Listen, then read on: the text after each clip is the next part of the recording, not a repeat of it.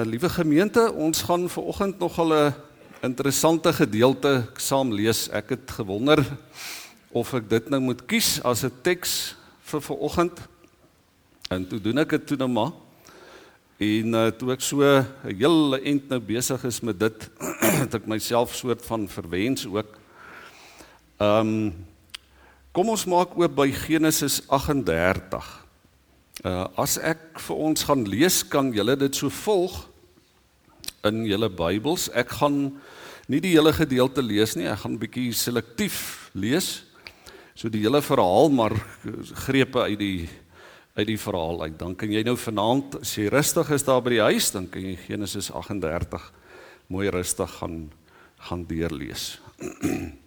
Julle kan so op die skerm volg die ehm um, selektiewe teks wat ek uh vir ons saamgestel het. Juda het weggetrek van sy broers af. Hy het 'n Kanaanitiese meisie raak geloop en met haar getrou. Sy het swanger geword en 'n seun in die wêreld gebring. Juda het hom Er genoem. Sy het weer swanger geword en nog 'n seun in die wêreld gebring en hom Onan genoem. Sy het nog 'n seun in die wêreld gebring en hom Sela genoem. Juda het sy oudste seun Er laat trou met Tamar. Maar Er was in die oë van die Here 'n slegte man en die Here het hom laat sterf. Toe sê Juda vir Onan: "Gaan na jou broer se weduwee toe, jou skoonsister, trou met haar, sorg dat haar kinders gebore word vir jou broer." Onan het geweet dat die kinders wat gebore sou word nie as syne beskou sou word nie. Hy wou nie dat haar kinders vir sy broer gebore word nie. Wat Onan gedoen het was verkeerd in die oë van die Here en hy het hom ook laat sterf.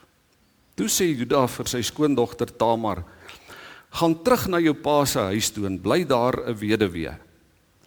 Lank daarna is daar aan Tamar vertel dat haar skoonpa na Timna toe gaan om sy kleinvee te laat skeer.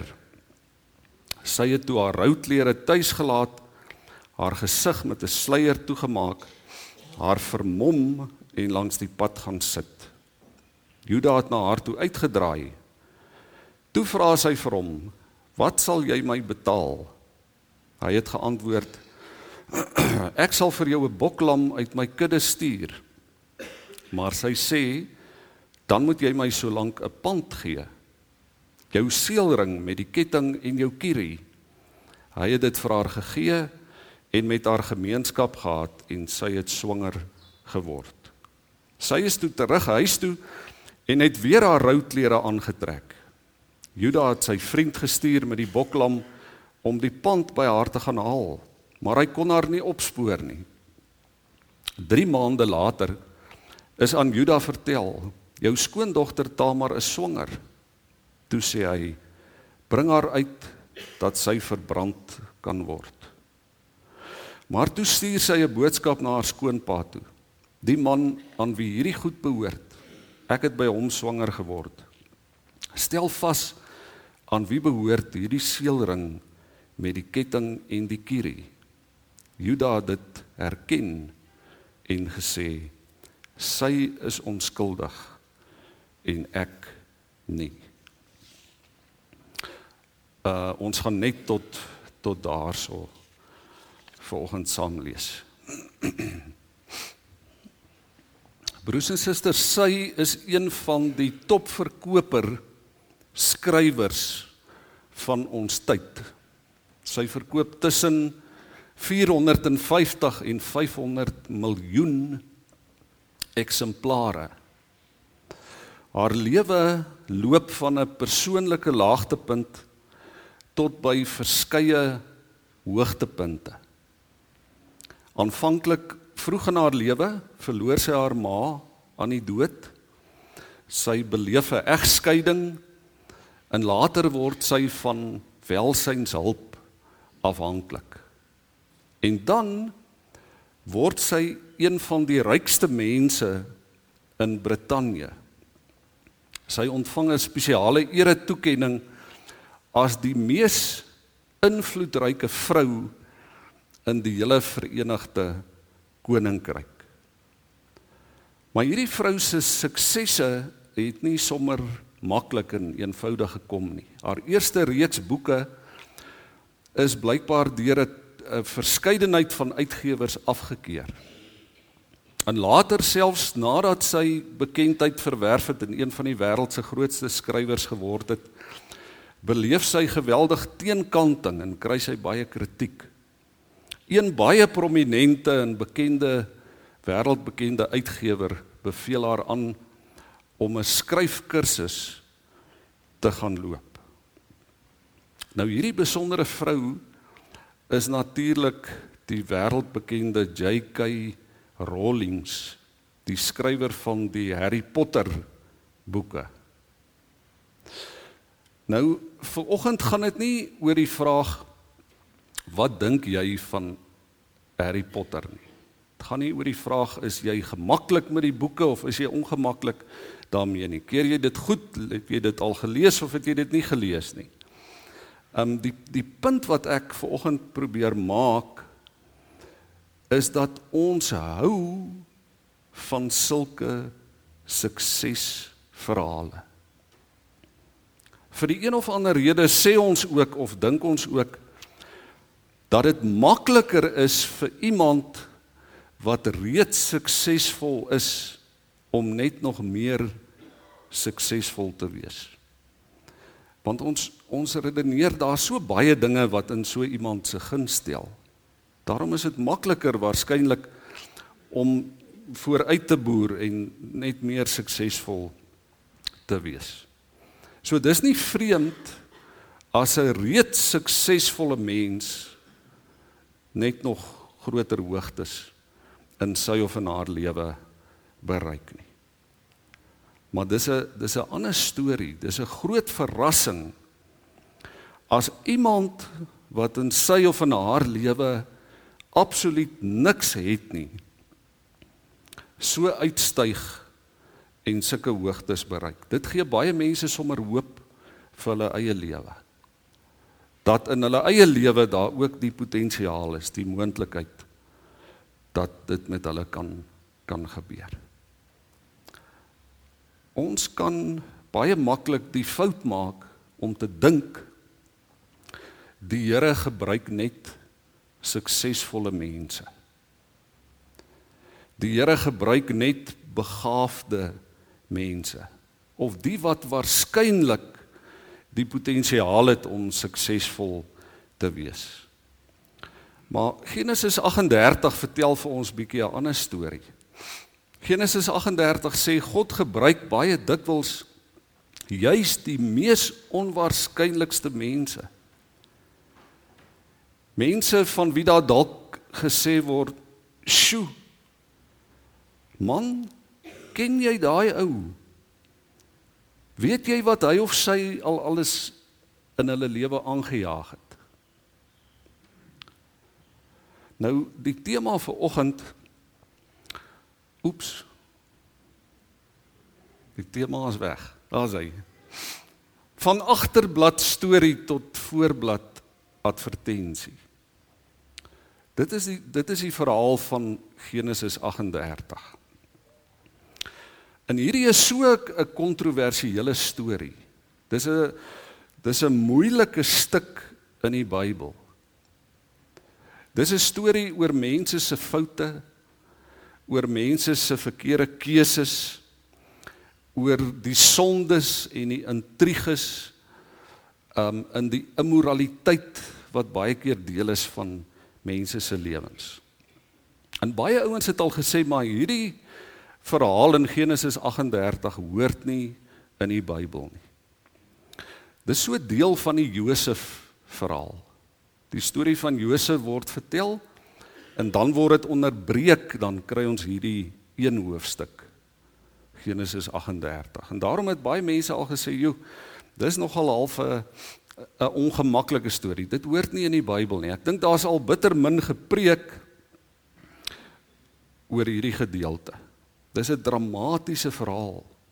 Dis 'n storie wat ons ook nie maklik vir ons kinders dalk sal lees nie. En die karakters in hierdie drama laat ons wonder Maar is dit nou regtig die mense wat God kies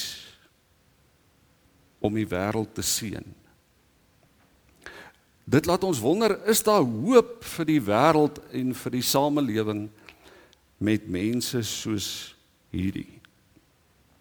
Dit lyk en dit klink erger as die sappigste TV sepie. Ek dink min stories is erger as die een. As ons dit vers vir vers, reël vir reël gaan lees, dan dink ek hierdie storie het 'n plus 18 uh S en en en L en V ouderdomsbeperking. Miskien is dit ook goed dat ons bietjie kyk na die agtergrond van die storie. Die Here roep vir Abraham en Abraham se familie om die nasie te word waardeur God die hele wêreld wou seën. Soos as ons daaraan dink na die sondeval kon God eintlik die mensdom afgeskryf het. God kon die mensdom veroordeel het, maar hy doen dit nie. God kies om mense lief te hê. En God begin 'n plan om die mensdom te red. En daarom is die is die groter prentjie agter hierdie storie van Genesis 38 is 'n prentjie van van hoop. Dis 'n prentjie wat vir ons as mense sê by God is daar hoop. By God is daar vir ons 'n toekoms, is daar 'n lewe. Nou sien ons net so 'n paar hoofstukke terug as ons terugkyk dan kom ons by Abraham en ons sien hoe dat Abraham sy familie waarsku. Hy sê vir sy familie: "Julle moenie trou met die Kanaaniete nie." Want die Kanaaniete ehm um, het vreemde godsdienstige gebruike. Die Kanaaniete is 'n klomp immorele mense. Hulle het vreemde waardes, hulle het 'n vreemde kultuur. Moenie met hulle trou nie. En Abraham het geweet dat sy familie kan nie die Here dien aan die een kant en hierdie vreemde kultuur van die Kanaaniete aanhang nie. En nou lees ons dat Uiteindelik gaan Abraham se agterkleinseun Juda en hy trou met 'n met 'n Kanaanitiese vrou. En uit daai huwelik is 3 seuns gebore en die 3 seuns is onmoontlike klein hellietjies. Uiteindelik gaan Er die oudste seun en hy trou met Tamar. En Tamar moet elke dag dink julle dit in met erse onmoontlikheid moet sy saamleef. Uiteindelik is dit so erg dat die Here, lees ons hier, vir Er laat sterwe. En toe trou Tamar volgens die gebruik van daai tyd met die tweede broer met Onan sodat daar 'n nageslag vir Juda kan wees. Maar hierdie huwelik is 'n disaster.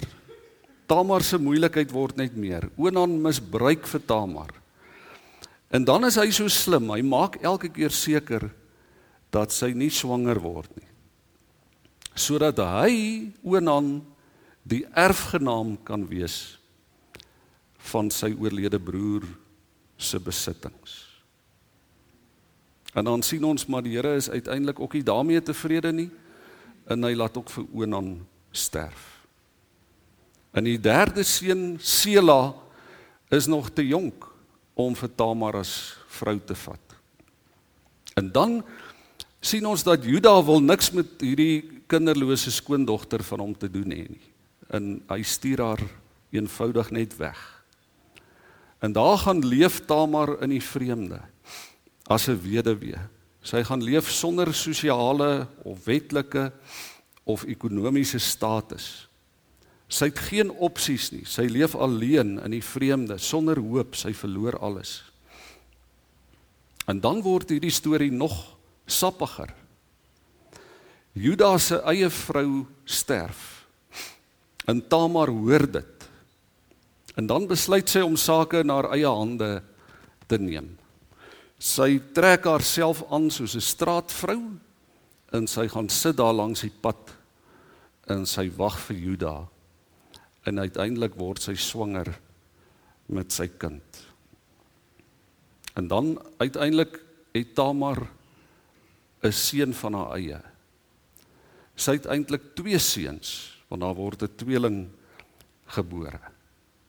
En toe Juda hoor hierdie vervreemde skoondogter vir hom is swanger, toe wil hy haar laat verbrand.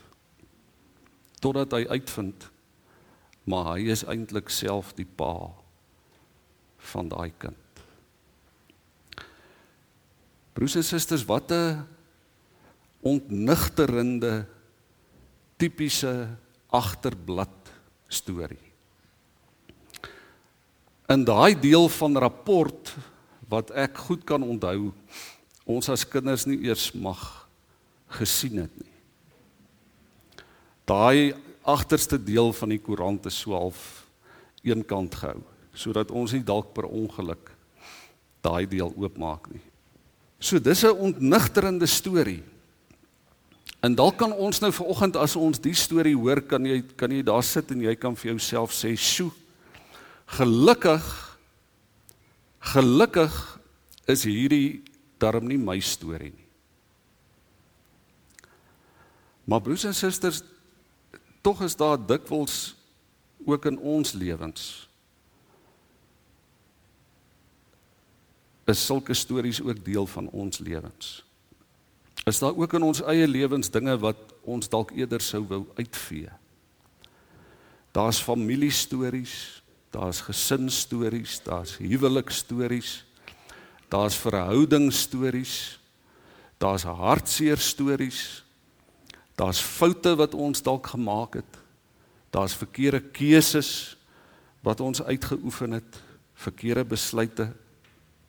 Jou en my lewe is nie volmaak nie, dis nie sanitêr nie. En en daarom is ek eintlik bly hierdie soort stories staan in die Bybel. Ek is bly dat die Bybel dat die woord van God eerlik is oor hierdie lewe van ons wat baie keer maar 'n groot gemors kan wees. Ons moet onthou hierdie is nie sommer enige storie nie. Dis die storie van die familie wat God gekies het om die hele wêreld uiteindelik te seën.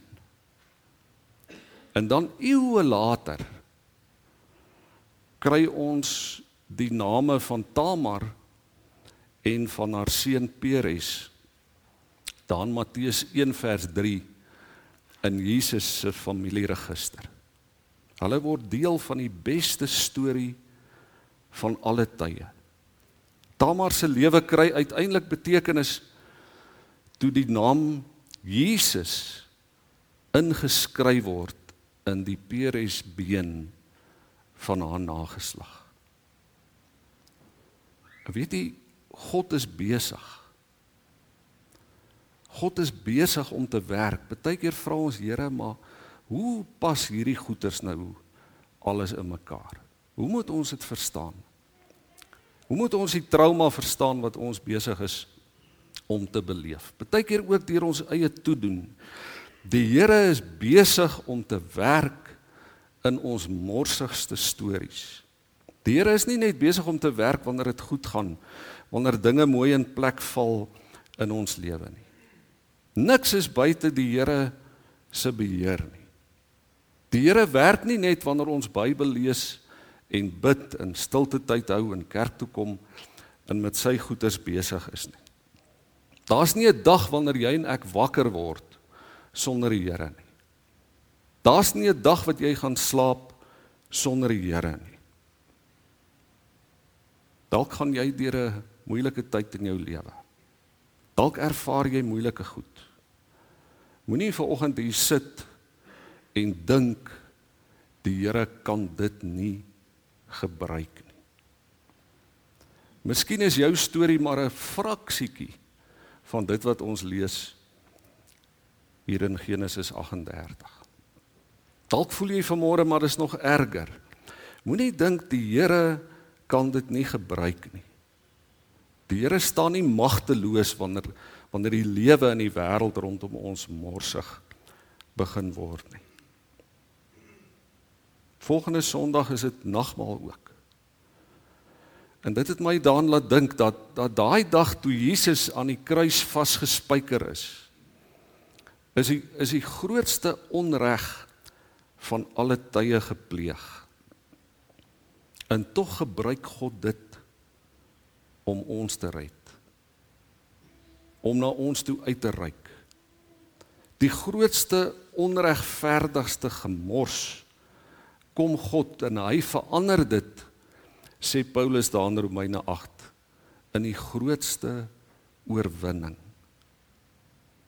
Hy het die dood gesterf wat jy en ek eintlik moes gesterf het. Hy het ons sonde gedra. En daarom werk die Here, die Here werk in ons haaglikste omstandighede uiteindelik om sy doel te bereik. En hy doen dit ook vandag. Hy doen dit ver oggend.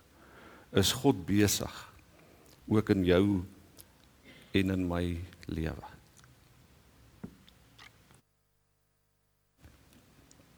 Die Here werk ook in die haaglikste omstandighede om ons karakter te verander. Dit sien ons in hierdie verhaal. Tamar word uiteindelik 'n merkwaardige vrou.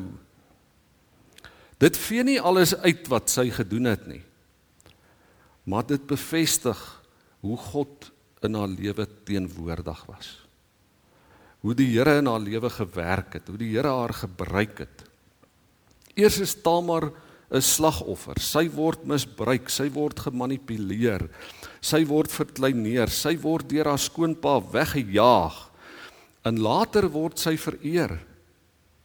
Dan vers 26 word Juda gedwing tot by die punt, gaan lees dit weer daar waar Juda erken Tamar is onskuldig en ek nie. En as ons verder lees in die Ou Testament later is daai pragtige storie van Rut. En dan seën die mense vir Rut en vir Boas met hierdie woorde: Mag die nageslag Boas wat die Here vir jou uit hierdie pragtige jong vrou gee, wees soos die van Peres wat uit Tamar uit vir Juda gebore is. En nog later In 1 Kronieke as ons daar gaan kyk en in Matteus dan sien ons die geslagsregisters waarin die naam van Tamar voorkom in 'n tyd toe vrouens glad nie geëer is nie. 'n Vrou is net gesien en dit was eintlik al.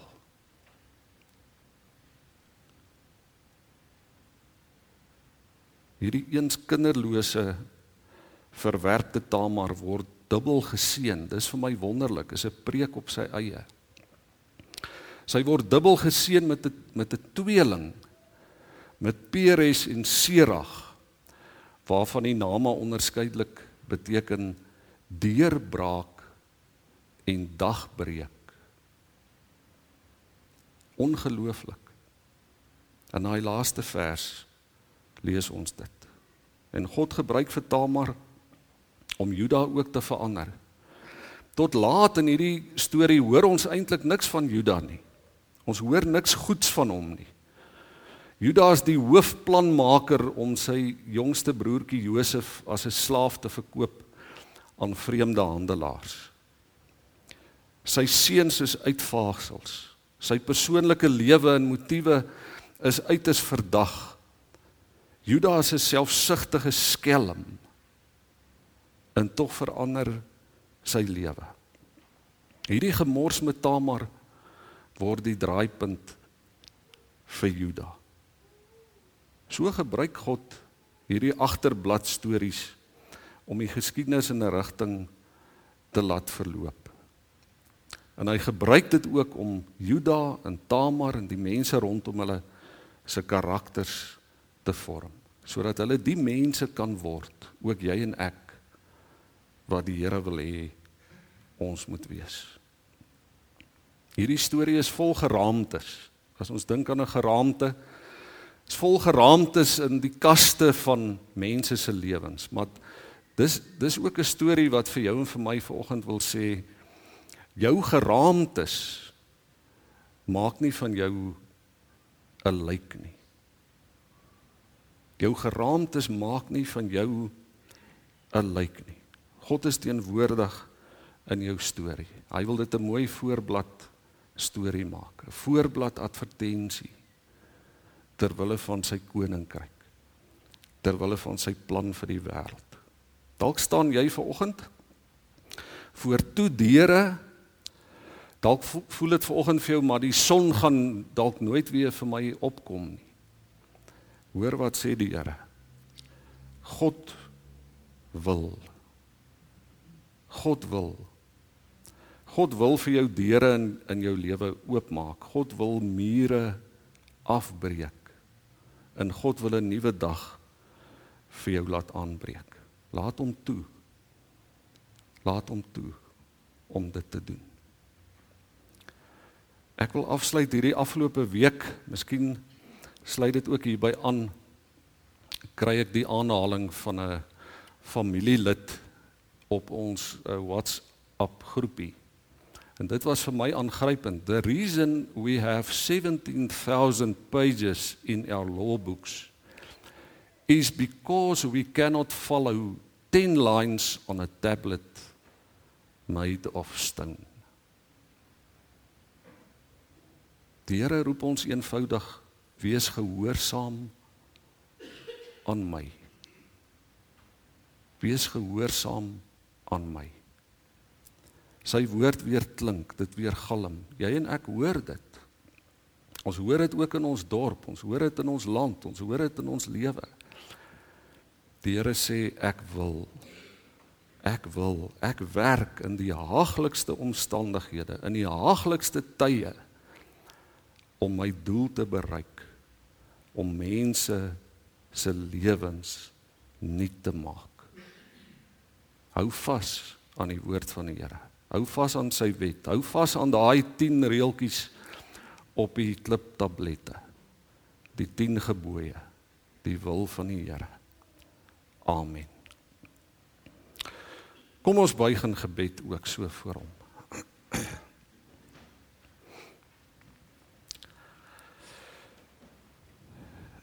Here baie dankie dat U ons nie afskryf nie.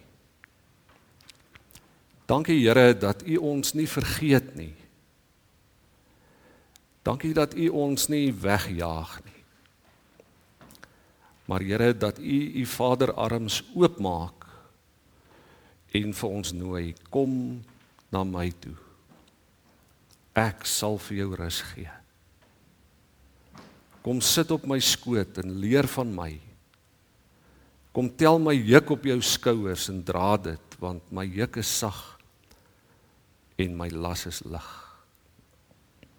Dankie Here vir u eindelose liefde vir sondaar mense. Dankie dat ons die sonde ook kan oorwin in die naam van Jesus ons verlosser.